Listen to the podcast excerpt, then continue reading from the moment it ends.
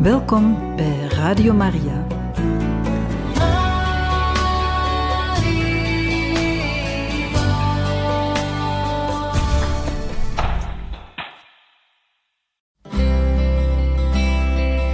Welkom bij Boekat, een programma van Radio Maria.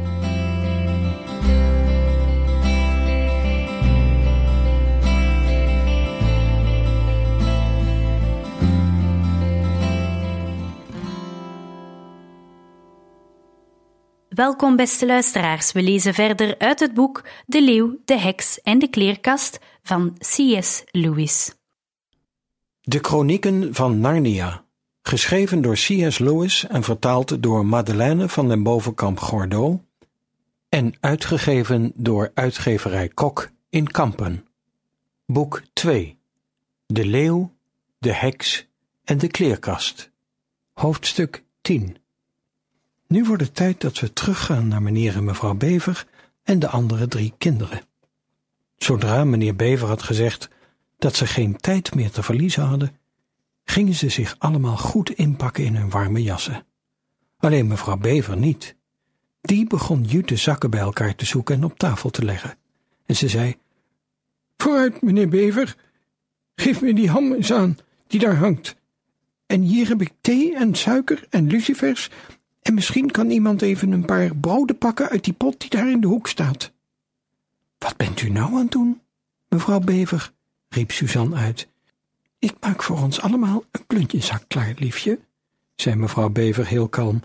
Je denkt toch niet dat we zomaar op reis gaan zonder iets te eten mee te nemen, of wel soms?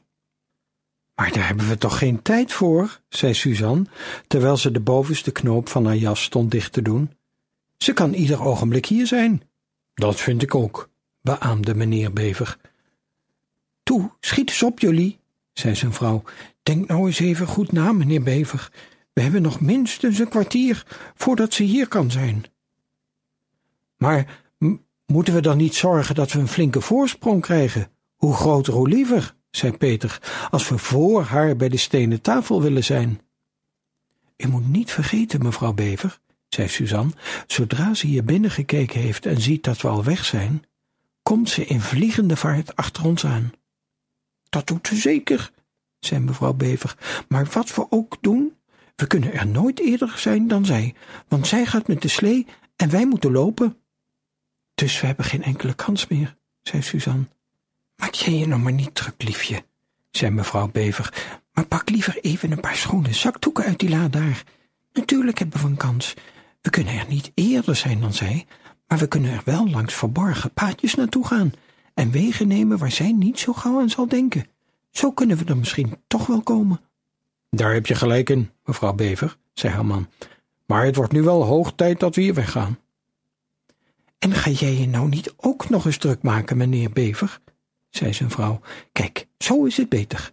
Hier zijn vier zakken met spullen voor onderweg en de kleinste zak is voor de kleinste. Dat ben jij, liefje, verduidelijkte ze. En ze keek Lucie aan. Oh, komt u nou toch alstublieft mee, zei Lucie. Ja, nu ben ik bijna klaar, antwoordde mevrouw Bever eindelijk, en ze liet zich door haar man helpen bij het aantrekken van haar sneeuwschoenen. De naaimachine is zeker te zwaar om mee te nemen. Ja, zei meneer Bever, dat is die zeker. Veel en veel te zwaar. En je denkt toch niet dat je daar wat aan hebt als we op de vlucht zijn? Moet er anders niet aan denken dat die heks eraan gaat knoeien, zei mevrouw Bever. Het zou me niks verbazen als ze hem kapot maakte of meenam. Oh, alstublieft, alstublieft, schiet nou toch op, zeiden de drie kinderen, en zo stapten ze eindelijk allemaal naar buiten en deed meneer Bever de deur op slot. Dan duurt het weer even langer voordat ze verder kan, zei hij, en daar gingen ze, allemaal met een plunjezak over hun schouder. Toen ze op weg gingen, sneeuwde het niet meer en scheen de maan. Ze liepen achter elkaar, eerst meneer Bever, daarachter Lucie, dan Peter, dan Suzanne en helemaal achteraan mevrouw Bever. Meneer Bever leidde hen over de dam naar de rechteroever van de rivier en daarna over een erg hobbelig paadje dat vlak langs de rivier bleef lopen tussen de bomen door. De zijkanten van het dal werden verlicht door de maan en torenden aan beide kanten hoog boven hen uit. We kunnen het beste maar zoveel mogelijk hier beneden blijven, zei hij, want zij moet met haar slee bovenlangs. Hier kan ze niet komen. Als je in een gemakkelijke leunstoel van achter je raam had zitten kijken, zou het een heel mooi gezicht geweest zijn, zoals de omgeving eruit zag. En zelfs nu vond Lucie het in het begin een hele mooie wandeling. Maar toen ze al maar bleven lopen en lopen en lopen, en toen de zak die over haar schouder hing steeds maar zwaarder en zwaarder begon te wegen, begon ze zich af te vragen hoe ze dat ooit vol moest houden. Na een tijdje keek ze niet meer naar het lichte geschitter van de bevroren rivier met al zijn watervalletjes van ijs en naar de witte massa van de boomtoppen. Ze zag de grote heldere maan en de ontelbare sterren niet meer en kon alleen nog maar kijken naar de korte poten van meneer Bever die voor haar uit door de zachte sneeuw liepen. Stappen, stappen, stappen, stappen, alsof ze nooit meer zouden blijven staan. Toen verdween de maan ook nog achter de wolken en begon het weer te sneeuwen. En tenslotte was Lucie zo moe dat ze bijna liep te slapen. Totdat ze opeens merkte dat meneer Bever rechtsaf geslagen was, van het water vandaan. En dat hij voor hen uit tegen de steile oever opklom, naar boven, tot waar de struiken het dichtst bij elkaar stonden. En toen werd ze weer klaar wakker en ze zag meneer Bever verdwijnen in een klein gat in de steile oever van de rivier. Het zat bijna helemaal verstopt achter de struiken, en je zag het haast niet totdat je er zo'n beetje bovenop stond. Tegen de tijd dat ze begreep wat er aan de hand was, was alleen zijn korte, platte staart nog maar te zien. Lucie liet zich meteen door haar knieën zakken en kroop achter hem aan naar binnen. Toen hoorde ze een boel geritsel en geheig en gepuf achter zich en een ogenblik later waren ze alle vijf binnen.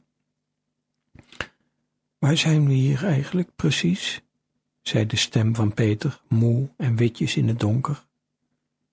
Ik hoop dat je begrijpt wat ik bedoel met een stem die witjes klinkt.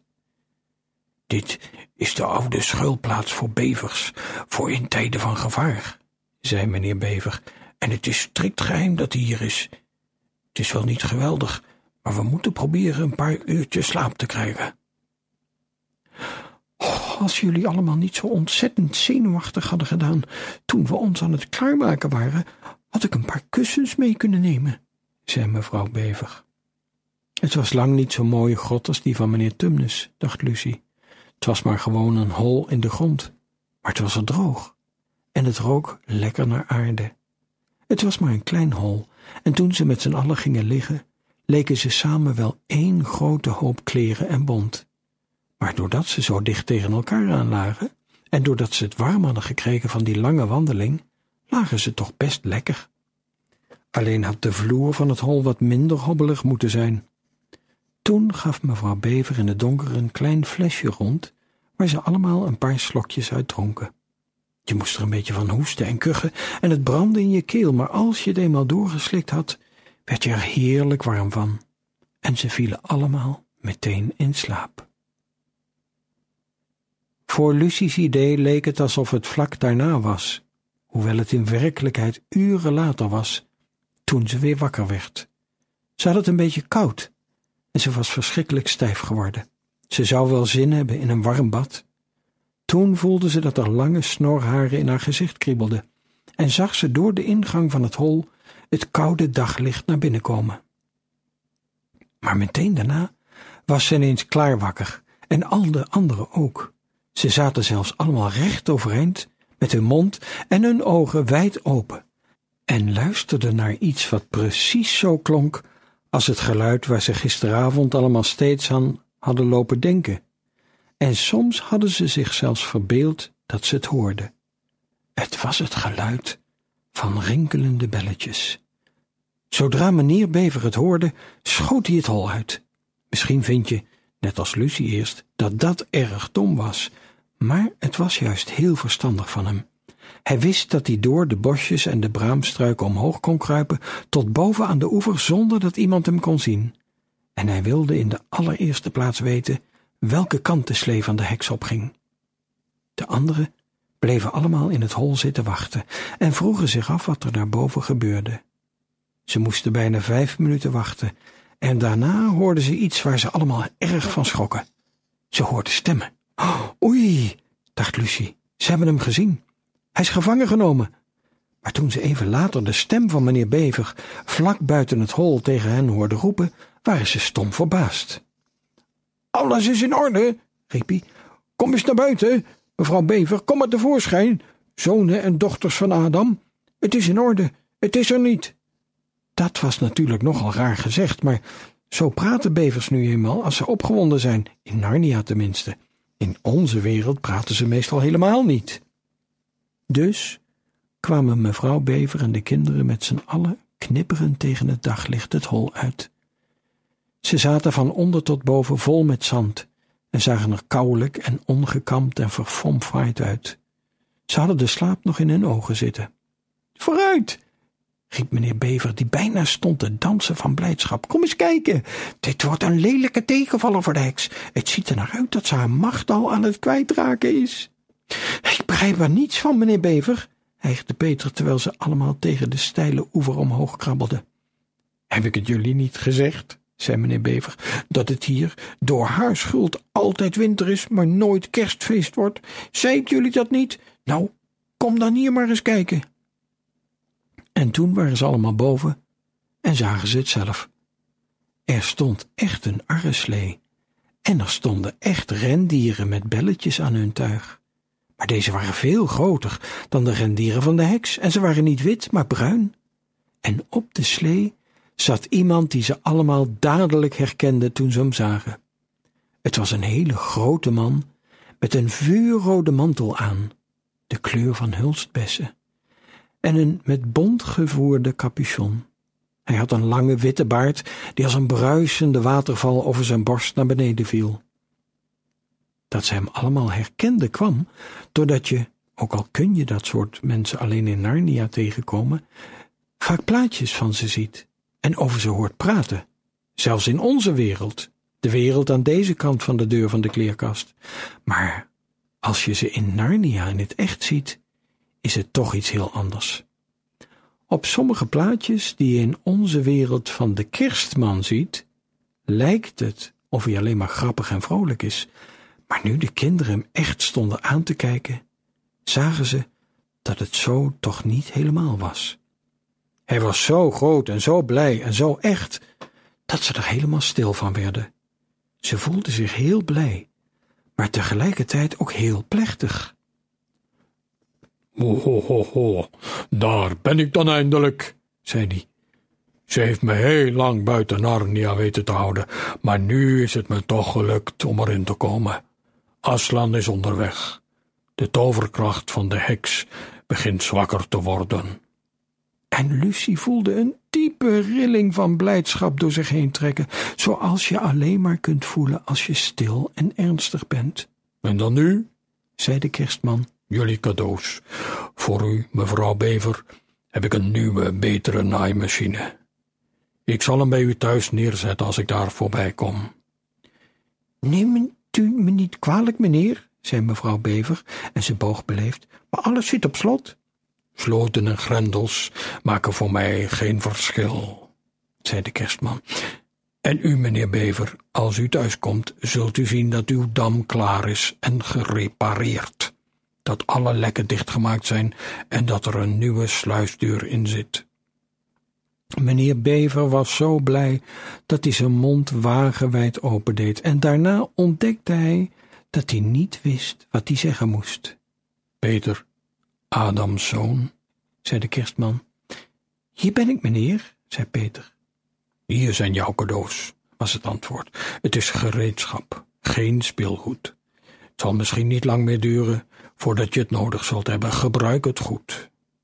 Terwijl hij dat zei, gaf hij Peter een schild en een zwaard. Het schild was zilverkleurig, met een rechtopstaande leeuw erop. Helder rood was de leeuw, zo rood als een rijpe aardbei op het moment dat hij geplukt wordt.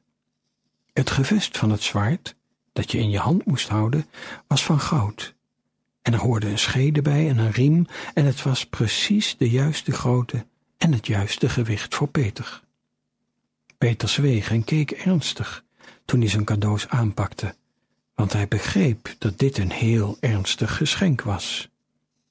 Suzanne, Eva's dochter, zei de kerstman, dit is voor jou.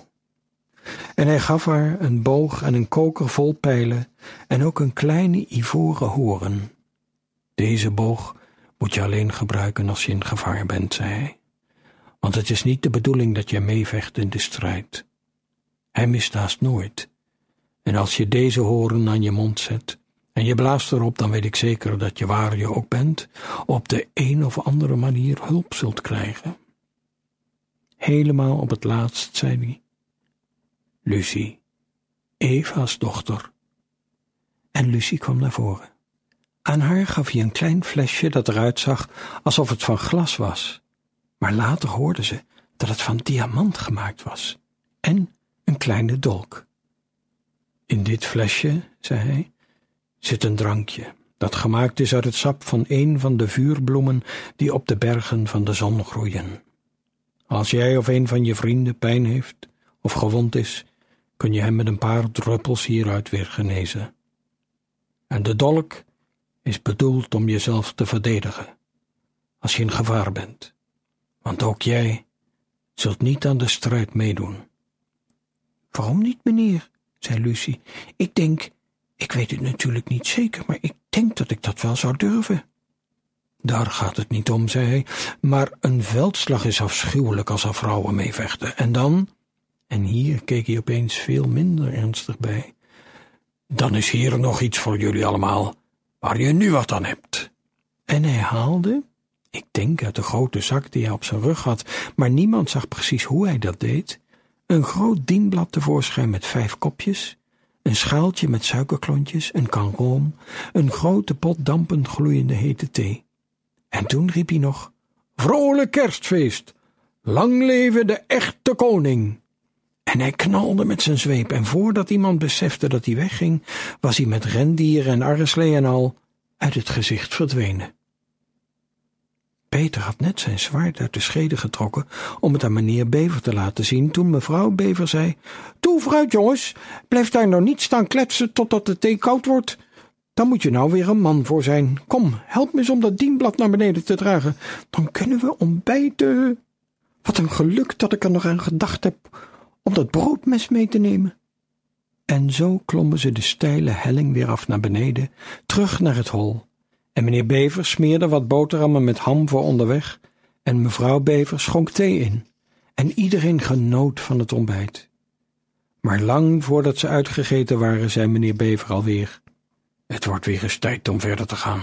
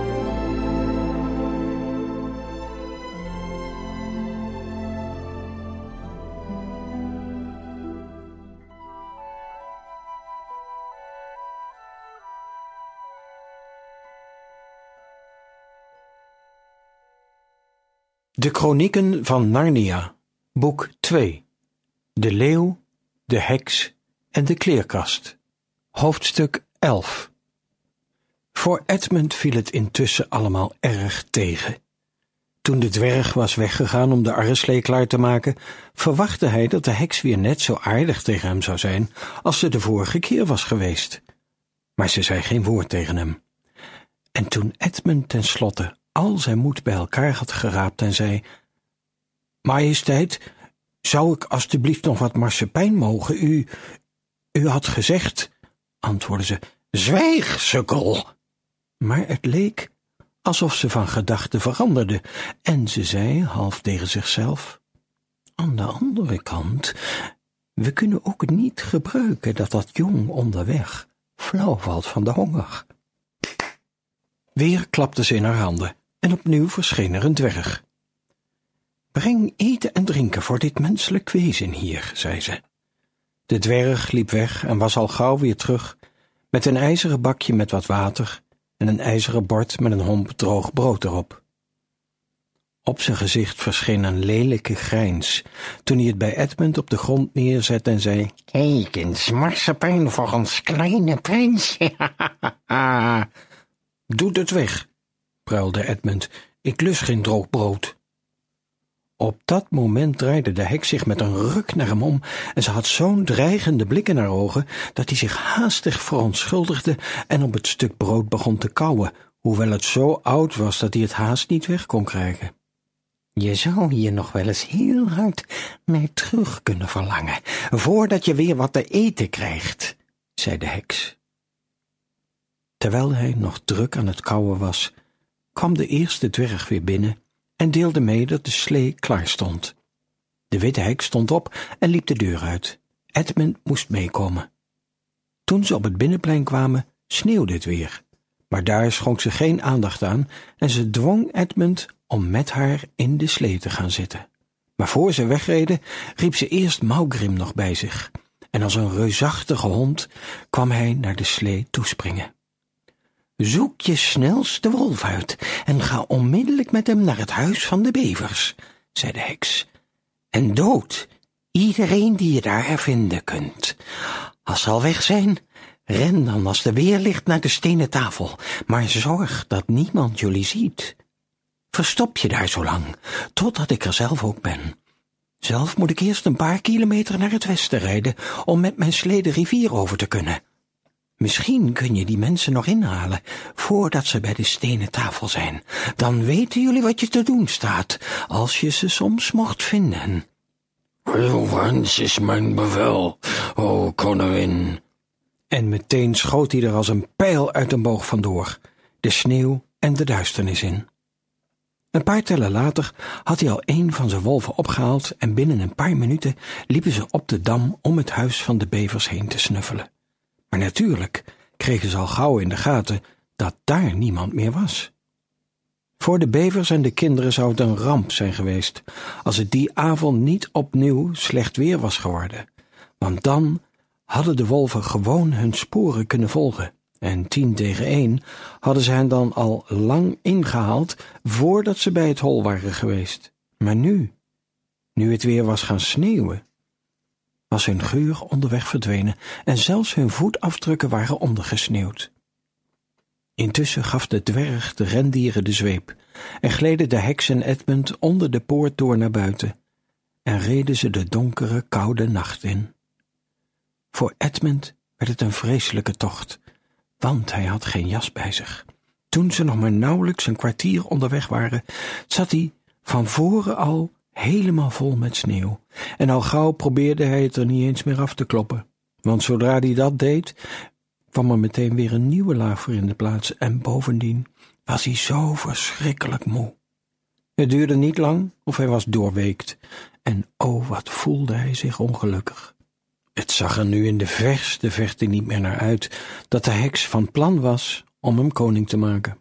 Alles wat hij gezegd had om zichzelf te laten geloven dat ze zo goed en zo vriendelijk was, en dat zij eigenlijk degene was die aan de goede kant stond, klonk hem nu vreselijk onnozel in de oren. Hij zou er op dit moment alles voor gegeven hebben om weer met de anderen samen te zijn, zelfs met Peter.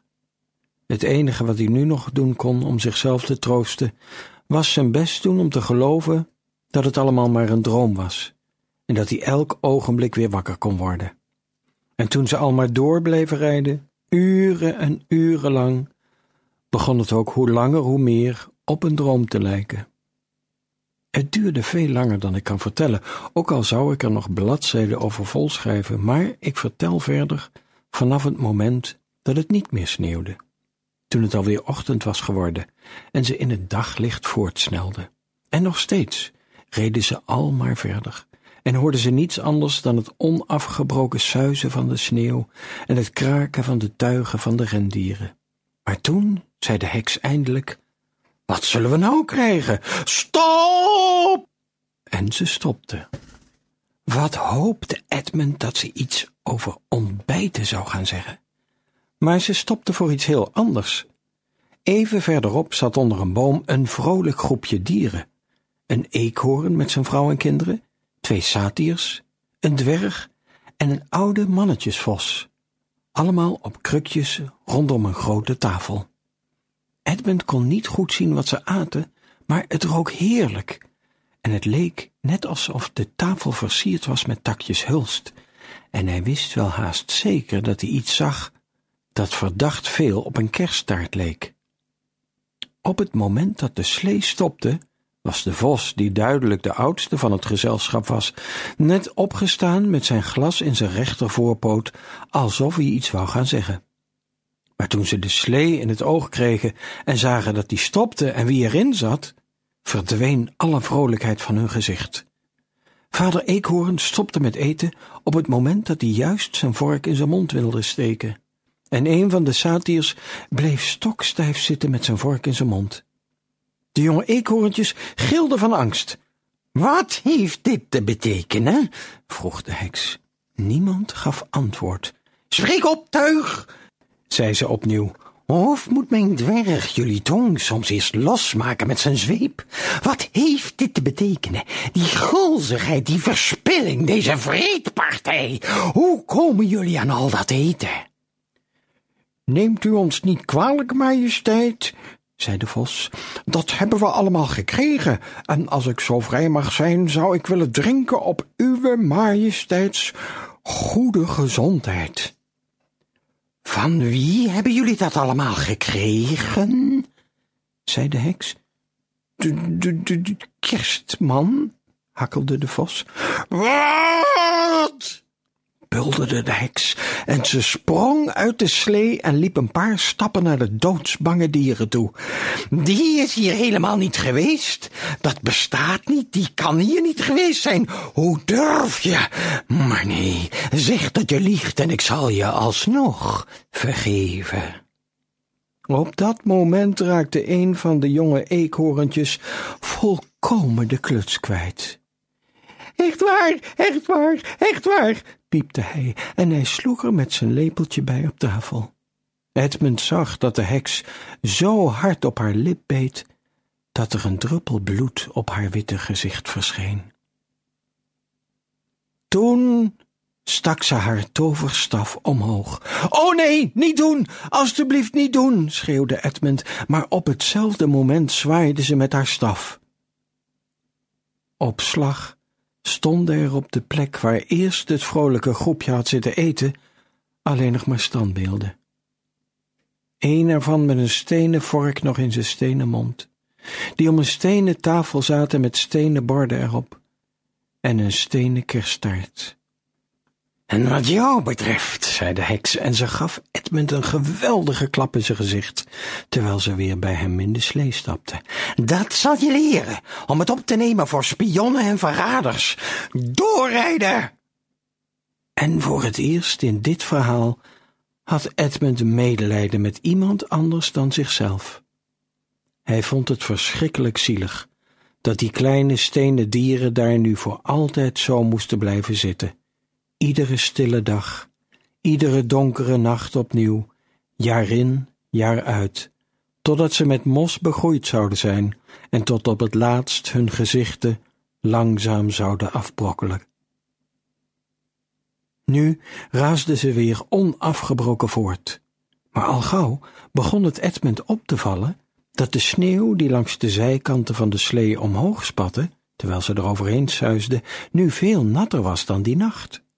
Ook viel het hem op dat hij het nu eigenlijk veel minder koud had. En verder begon het mistig te worden. Eigenlijk werd het steeds mistiger en steeds warmer. En de slee liep lang niet meer zo vlot als hij tot nog toe had gedaan.